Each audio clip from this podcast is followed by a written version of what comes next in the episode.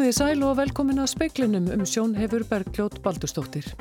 Talsveit fleiri skamtara bólefni berast til landsins á næstu tveimur vikum en áætlað var. Sótvarnarleiknir vonast eftir að viðræður við Pfizer, Livjafyrirtækjum hjarð ónæmisrannsókn, skýrist síðar í vikunni. Offita meðal barna er meiri hér á landi en í nágrannarlöndunum.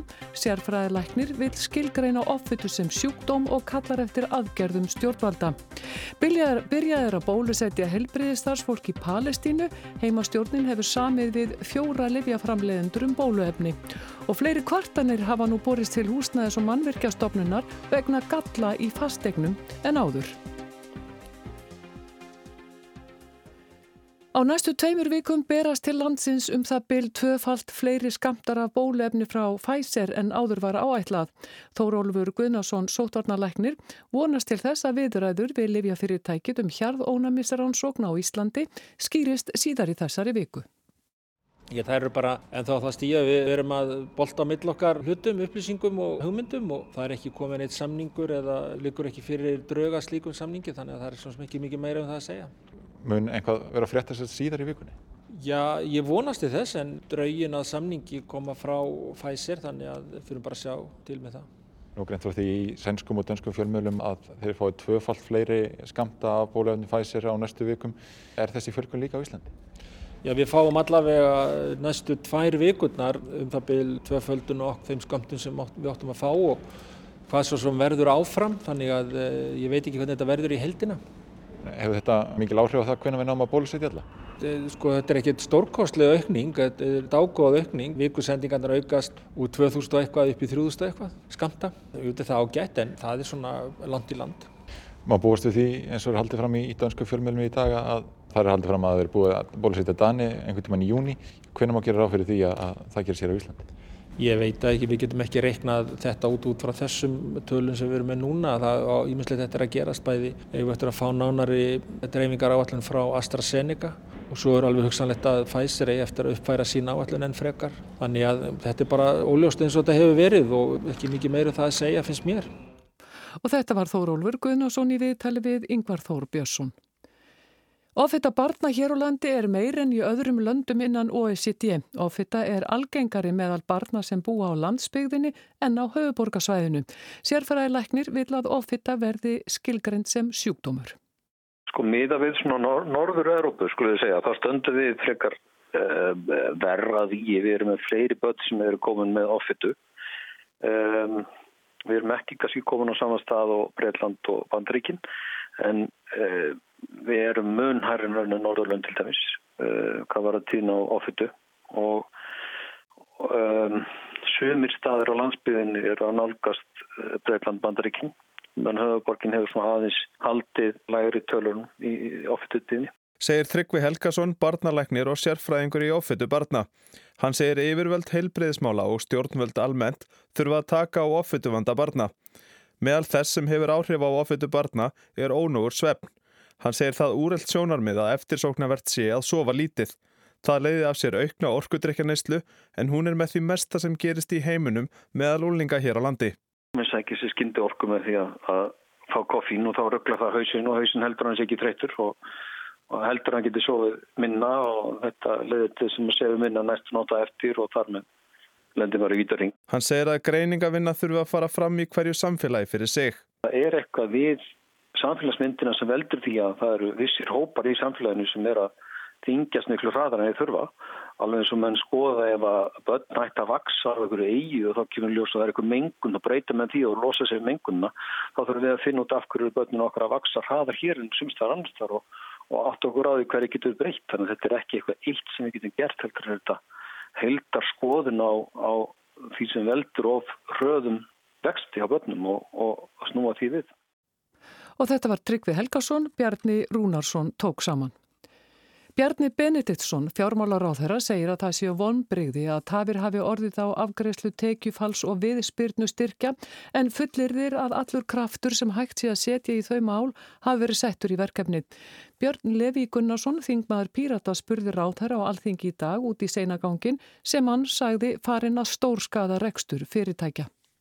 Síðan eru það viðspyrnu styrkinir. Þegar það er spurt hjá skattinum hvenar verður hægt að sækja um viðspyrnustyrkina er fátt um svör. byrjun februar, miðjan februar, var enn í vinslu, ég get ekki sagt, eru svörin sem fást. Þessi seinagangur er að stórskaða rekstur og fyrirtæki sem þá þegar eru löskuð vegna ástandsins og hafa jafnvel enga aðstoð fengið frá því í mars 2020. Ég ætla bara að segja að það eru vonbreyði að það skildi hafa tafist ja, lengi og raunber vitni að geta tekið við og afgreitt uh, þessi mál. Þó er það þannig í, í tilviki tekjufallstyrkjana að við erum byrjuð að greiða út uh, miljarda. En ég, það eina sem ég get sagt í raun og veru um þetta er að uh, allur kraftur sem hægt er að setja í að klára forritun og undirbúning umsókna og afgreiðslu þeirra hefur verið settur í málið. Og þetta var Bjarni Bendikson fjármálar á þeirra á Alþingi í dag. Verkfall 11 flugmanna hjá Bláfugli hófst á miðnætti í fyrra kvöld. Flugmennirnir eru félagsmenn í félagi íslenskra atvinnuflugmanna. Flugfélagið hefur ráðið verktaka flugmenn í staðin sem félag íslenskra atvinnuflugmanna segir að sé skýrt verkfallsbrot. Flugfélagi Bláfugl hefur starfað hér frá því um aldamót. Í fyrra komst það í eigu Ellens félags með aðsetur og kýpur. Kjarasamningur við flugmenn var endur nýjaður til skams tíma í voru í skugga COVID-19. Samið var til þryggja mánada og því hófust kjaraviðraður á nýjanleik í haust. Flugmönnum var sagt upp 30. desember eftir að haldnir höfðu verið fimm samningafundir. Í tilkynningu frá Bláfugli á sínum tíma kom fram að nöðsumlegt væri að segja þessum 11 flugmönnum upp í hægræðingaskyni. Flugmennir 11 eiga það samilegt að þykja laun samkvæmt kjara samningi FIA. Í tilkynningunum kom fram að þeir væru lang hæst launuðu starfsmenn félagsins. Eftir uppsagninnar yrðu starfsmenn Bláfugls 29 og sjálfstætt starfandi flugmenn 40. Félag íslenskra atvinnuflugmanna segir að sjálfstætt starfandi flugmenn sé annað orð yfir gerfi verktaka. Klárlega sé á ferðinni félagsleg undirboð sem séu bein ógn við fluguriki. Félag íslenskra atvinnuflugmanna segir að kjara samningur FIA og Bláfugl sé enn í gildi og vísar til yfirstandandi kjara samninga viðræðina. Bláfugl heldur fram að umrættur samningur sé út runnin. Félagi íslenskra atunumflugmanna hafa borist stuðniseyfylýsingar frá Alþýði sambandi Íslands, Flugfregi félagi Íslands, Félagi íslenskra flugumferastjóra, Flugvirkja félagi Íslands og Ímsum erlendum stjættarfélagum. Kjaradeilan er á borði ríkisáttasemira og hefur hann búið til samningafundar á morgun klukkan 2. Samtök atunulífsins semja fyrir hönd pláfugls. Kristján Sigur Jónsson sæði frá. Rúsnenski stjórnarandstæðingurinn Aleksín Navalny var í dag dæmdur í þryggja og hálsás fangelsi. Fjöldi erlendra sendi erindreka var viðstatur réttarhöldin í dag. Navalny hefur setið í fangelsi síðan hann kom til Moskvu frá Þýskalandi 17. januar. Þar dvald hann á sjúkrahúsi eftir að hún var byrlað eitur í ágúst. Tilefni réttarhaldana nú er að á meðan Navalny var í Þýskalandi kom hann ekki mánaðarlega á lauruglustöði í Rúslandi til að tilkynna sig eins og honum ber samkvæmt dómi frá 2014 2014 fyrir fjársvig. Byrja var í dag að bólusetja helbriðistarsfólk á herrteknu svæðunum í Palestínu. Bóluefni barst í byrjun vikunar frá Ísrael. Stjórnvöldni í Ísrael hafa verið beitt sívaksandi þrýstingi á síðustu vikum þar á meðal frá saminuðu þjóðunum að koma palestínumannum á vesturbakkanum og gasasvæðinu til hjálpar með bóluefni gegn veirunni. Varnarmálaráðunitið tilkynnti loks á sunnudag að það ætlaði að senda 5.000 skamta til þess að undirðið að bólusetja heilbriðistarsfólk. Mæ Al-Kaila, helbriðisráð þeirra palestinsku heimastjórnarinnar í Ramallah, greindi frá því í dag að verkið væri hafið. Jáframt stendur á morgun til að senda bóluefni yfir á gasasvæðið sem lítur yfir áðum Hamas samtakana. Hún sagði að allt kappirði lagt á að vernda fólk sem er í nánum tengslum við þá sem smittast, ekki síst starfsfólk á gjörgæslu deildum. Heimastjórnin hefur áður greint frá því að hún hafi samið um bóluefni við fjóra framleiðendur, þára meðal rússa sem framleiða Sputnik 5. Gangi samningarnir eftir verður hægt að bólusetja 70% íbúa á Vesturbakkanum og Gaza. Áskir Tómásson sæði frá. Herdís Hallmarsdóttir, lögfræðingur hjá Húsnæðis og mannverkjastofnun, segir að umkvörtunum vegna galla í húsnæði hafi fjölgað undanfarið. Hún telur að skoða þurfi hvort ekki eigi að setja lög eða reglur um að húsnæði sé skoðað og vottað áður en það er selt. Gífurlega mikil velta var á fastegnamarkaði á síðasta ári. 14.000 fastegnir skiptum eigandur og er það mesta velta sem verið hefur í mörg ár. Engin veit hver margar þessara egna voru gallaðar því engin stopnun eða ofinber aðili heldur utanum slíkar upplýsingar. En hvörtunum hefur fjölgað? Já, vissulega. Eh, það hefur, við höfum orðið verfið aukningu. Um, að því sögðu að þá er í þessum tilvikum uh, þegar fólk stendur í kaupum á fyrstegnum uh, þá er kannski besta ráði sem hægt er að gefa viðkomandi er að gefa sér góðan tíma og skoða gemgjafilega bæði þá fastegn og þá aðila sem þeir eru að gera viðskipti við. En það getur verið erfitt að gefa sér góðan tíma því hraðin á fastegnamarkaði hér á landi hefur verið slíkur að fastegnir stoppa stutt við á sölu. Frambóð er mun minn en eftirspurnin og eru mörg dæmum að fólk hafi keift egnir án þess að skoða þær næjanlega vel.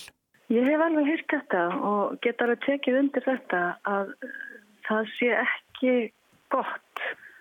Hraðin sé orðin of mikill niða við þá hagsmunni sem eru undir fyrir eh, fólk Í flestum tilvikum er fólk að versla með aðleguna þegar þeir eru að festa að kaupa og hafa fastegn. Þannig að það skiptir miklu máli að vanda vel til og ef að asin er á mikill og hraðin á mikill þá ætti það kannski að kveikja ákveðnar viðvörnabjöllur. Sko nú hefur maður líka í samhengi við þetta heyrt að viða Erlendis sé búið að setja þannig reglur eða jafnvel lög að engin fastegnarkaup eigi sér stað nema að óháður matsmaður með til egnina og votti að hún sé í því ástandi sem seljandin fullirði.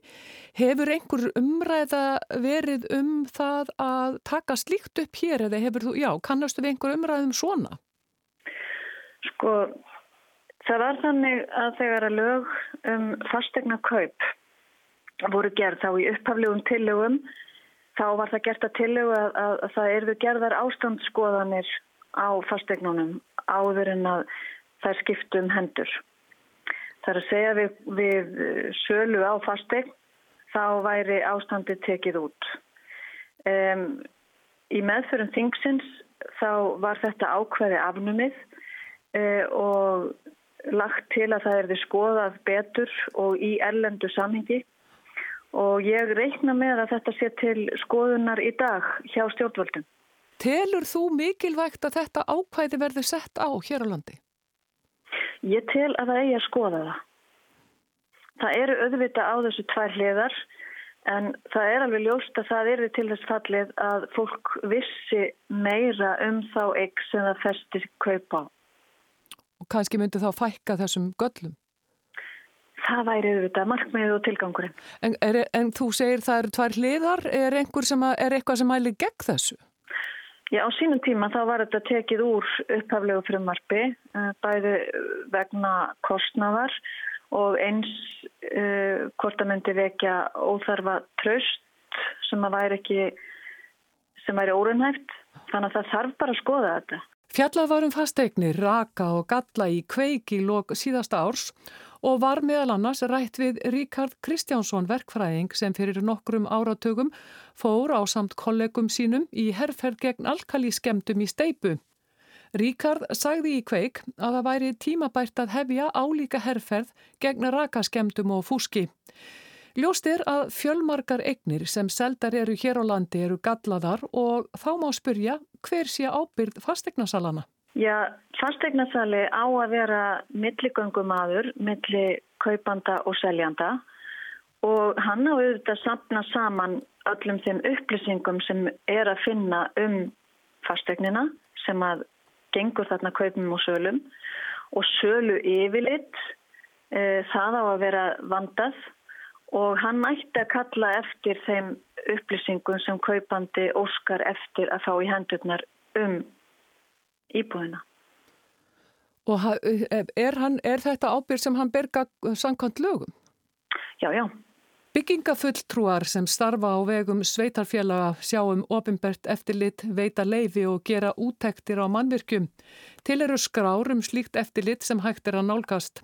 Stundum þarf að kalla til dóms kvata matsmenn ef ágreiningur er millir kaupanda og seljanda og einnig heldur kaupandi stundum eftir síðustu afborgun til tryggingar um að gert verði við ágallan. En má hann þá ráðstafa þeim peningum til að gera við gallan? Það er eitt af þeim úrræðum sem að kaupandi hefur ef hann telur fastegnuna gallaða.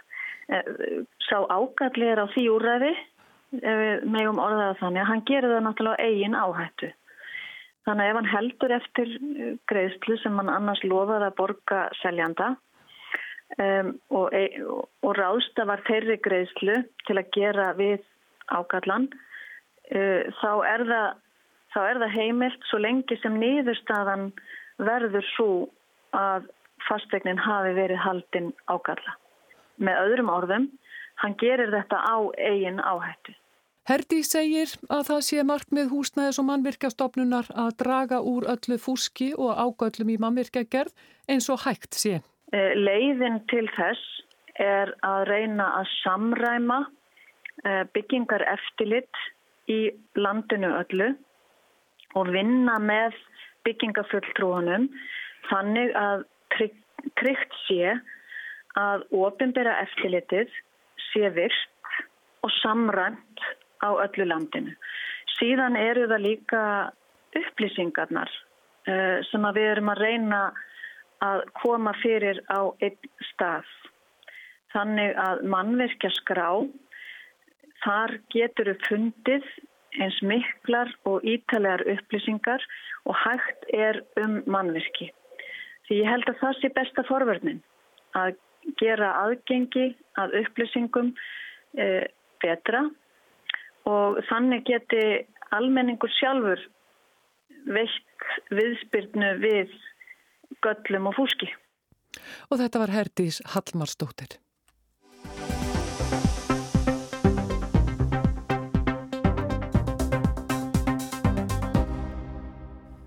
Framkvæmdastjóri Nýjorku segist ekki sjá fyrir sér júmbóþótu fljúa um á rafhlöðum en ég heldur að fristitógara verði knúnir áfram með rafhlöðum í framtíðinni. Eftir spurn eftir vettni sé að aukast og fyrir spurnir berist frá útlöndum um möguleika á útflutningi á vettni. Landsverkjunu telur útflutningur á vettni getur orðið umfangsmikil útflutningsgrein í nánustu framtíð. Jón Björn Skúlason, frangvatastjóri Nýjorgu, segir að eftirspurnin eftir vettni sé að aukast og ljóst að hún muni halda áfram að aukast. Spurningin sé hvernig vettnið verði nýtt. Vettni sé byggingarefni í nánast hvaða eldsneiti sem er.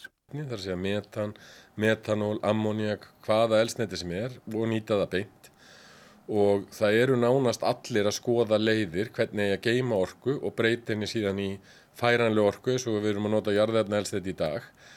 Þa, það er ekkert sem segir okkur annað en að eftirspöldu síðan stóruðegast og við erum að fá fyrirspöldur hingað erlends frá um möguleika á útflutningi á vettni. Nýskráning bensin- og dísilbíla verður hægt á Íslandi árið 2030. Það er ekki langur tími þangað til en er ljóst er að þessi bílar verða áfram á göttunum í nokkuð langan tíma. En á hvað eru bílaframlegundur að veðja núna? Jón Björn segir að fjölbreytni rafbíla sé að aukast gríðarlega. Uh, rafbílaflotin á urugleftur að aukast veruleg og það er afar jákvæmt skref fyrir íslenska aðila og við erum meðal annars að vinna að reyna að koma því inn í bíl, bílalegumarkaðin, þannig að ferðamenn geti notið þess.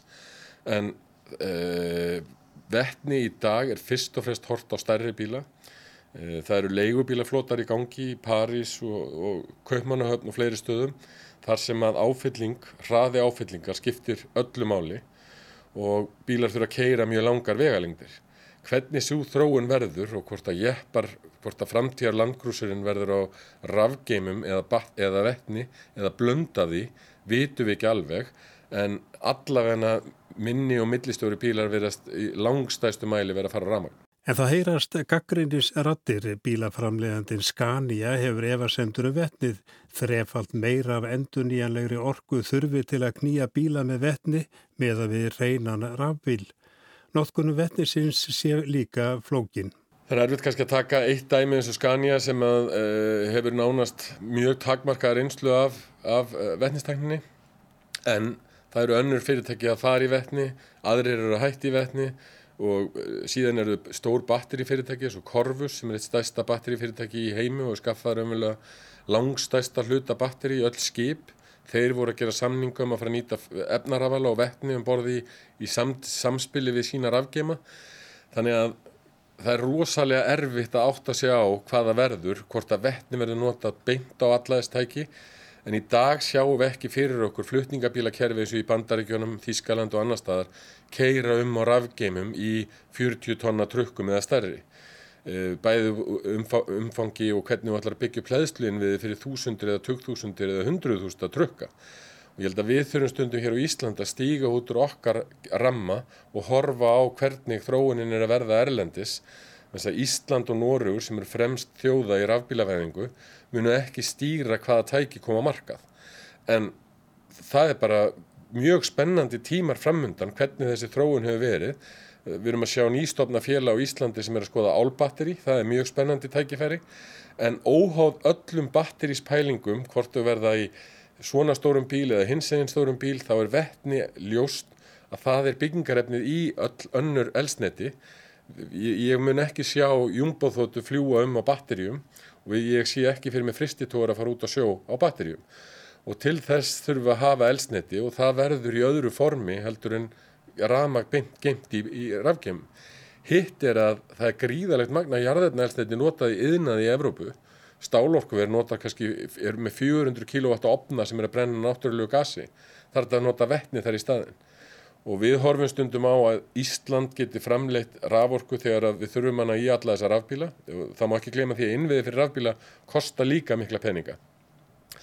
En í Evrópu á bandarækjunum og einlega að heim allan verður orkan framleitt úr sólar og vindorku sem eru óstabílar og eru bara þegar vindur blæs og sólinn skín þessa raforku þarf að geima. Hvort við getum framleitt rafgeima til að geima hundruður eða þúsundir terafastunda er ég mjög efinsum. Þar verður þá að koma önnur geimslaðaferð og besta leðinni vettni. Jón Björn sér ekki með að gleima því að uppistaðan í framleistu bíla nú séu bensín og dísilbílar. Ég minna það verður að framleiða bilinu 70 til 90 miljónir bíla á hverju einasta ári það er bara lítið brota því, það eru örf á prósent sem eru rafbílar. Allt hitt er ennþá bensin- og dísilbílar. Og það á eftir að verða gríðarlega gerjun í þessu og þegar ég sitt stundum og les það sem ég skrifaði, hugsaði fyrir 10-20 árum síðan að þá, þá hafði maður jafnbrant fyrir sér og jafnvel ég er að hafa í dag. Þannig að þróun á eftir að verða gríðarlega mikil. Það er ekki búið að taka ákvarðunum hvert er framtíða lesnitið. Hins vegar er alveg ljóst að rafgeimar og, bíl, og, og, og rafbílar verða stór hluti af framtíðinni.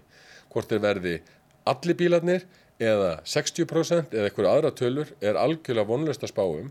En ég held að við Íslendikar verðum að skoða þau tækifæri og gefa þeins í ef við ætlum að taka þátt í þessari umbreytingu og finna elsneti sem leysir uh, jarðarna elsneti í skipum, jafnvel í loftförum og öðru slíku af holmi. Og þetta var Jón Björn Skúlásson, Arnar Páll Haugsson talaði við hann.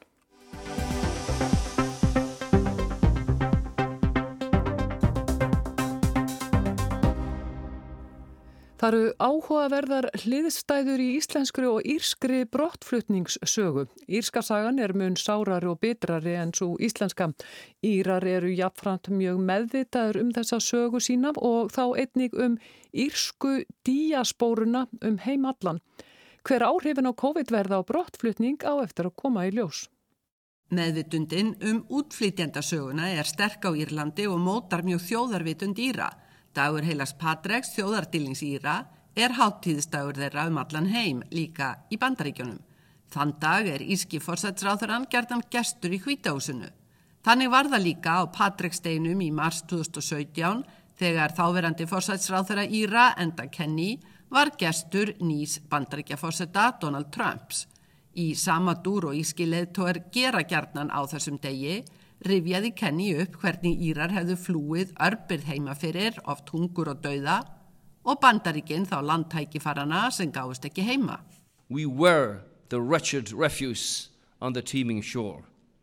We believed in the shelter of America, in the compassion of America, in the opportunity of America. We came and we became Americans. Við vorum hið auðma úrrak á yðandi ströndinni, saði Kenny til vitnun í frækt bandarist ljóð frá 19. öld eftir Emmu Lazarus. Írar hefðu trúað á skjól í bandaríkjanum á samúðin og tækifæriðar. Við komum og urðum bandaríkjamenn, saði Kenny. Af því að í írsku brottflutningssögunni flétta saman hörmungar og dauði hefur sagan verið þjóðarmartröð anstætt íslenskri brottflutningssögu en í báðum löndum hefur brottflutningur á síðari áratugum sprottið af atvinnuleysi. Íslenska viðbótin er svo að þessi sterka hefð fyrir að sækja sér mentun erlendi sem á sér ekki sömu hliðstæðu á Írlandi. Af alkunri kaltæðni benda Írar gerðnan á að besta útflutningsvara þeirra sé ungt fólk. Á áranum eftir bankakreppina 2008 til 2014 fluttu 400.000 manns frá Írlandi mikil blóðtaka fyrir þjóð sem telur aðeins 4,5 miljón. En þess að gerðist þegar Írar fóru að réttu kútnu var það sama og var að gerast á sama tíma á Íslandi. Fólk held áfram að flytja þó það væri næga vinnu að hafa heima við. Í þetta skipti voru það ekki auðma úrrækið sem kenni talaðum, heldur velmentað fólk eins og arkitektar, hönnuðir, verkfræðingar eða yðnaðmenn. Hagstofa Íslands mun vantilega á næstu mánuðum hafa handbærar tölur um mentun þeirra sem flytjast til og frá landinu. Þanga til er aðeins sagt að sjá að útlendingar sem flytja til Íslands fara langt flestir í lálunastörf. Ekki endilega því þeir hafi ekki mentun, vita mála, það getur verið erfitt fyrir innflytjandur að fá mentun og reynslu metna í nýja landinu. Írum og Íslandingum fjölgar jamt og þjætt af því bæðilöndin eru aðlandi fyrir erlend vinnuafl. Flest árin flytjast fleiri útlendingar til landana tvekja en brottfluttir heimamenn. Hið sérstakka er þó að hinga til hafa um 70% brottfluttra Íslandinga snúið aftur heim til Íslands innan 8 ára. En hvað er það þá sem fólk sækist eftir Erlendis annað en atvinna? Í viðtölum sem fréttamiðlinn stundin tók 2018 við brottflutta Íslandinga á Norðurlöndum Var það ekki fyrst og fremst vinna sem lokkaði heldur betri laun og dyrri matur í miskonar þjónusta og lífsættir almennt. Um þriðjungur brottfluttra hefur oftast verið á aldrinum 20 til 29 ára. Sterk meðvitund Íra um brottflutning byrtist meðal annars í tónlistinni, gamlar og nýjar ballöður um brottflutningin og hjartasárin. Nei það tekst ekki öllum að reppa tækifærin í nýja staðnum, þar geta draumatinn líka dáið eins og The Pogues sungu um 1987 í læginu Ævintýrið um New York. Well, so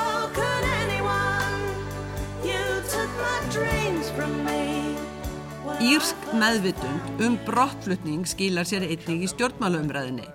Íðulega rætt fyrir kostningar hvernig væri hægt að fá brottflutta Íra til að snúa heim nú síðast í fyrra. Írskastjórnin gerði til dæmis áttak fyrir nokkrum árum í þessa veruna. Dagblæðið Irish Times er með sérstakann VF með fræðandi efni um allt frá sköttum og félagsleiri þjónustu til tilfinningalífsins.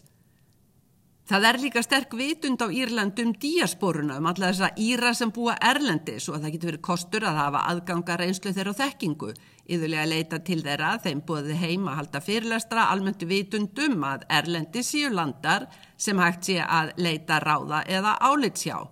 Lítil vitund um það sama á Íslandi og þó búa tæplega 50.000 Íslandingar Erlendis. Hvernig COVID-faraldurinn og brottflutningssagan mun flétta saman á eftir að komi ljós önnur saga í annan tíma. Sigrún Davísdóttir sagði frá. Veðurhorfur, austanstrekkingur, sunnalands á morgun, annars hægari vindur, víða bjartviðri og talsveit frost en frostlaust við suðuströndina. Fleira er ekki speklinum í kvöld. Tæknum aður í útsendingu var Magnús Þorstein Magnússon verðið sæl.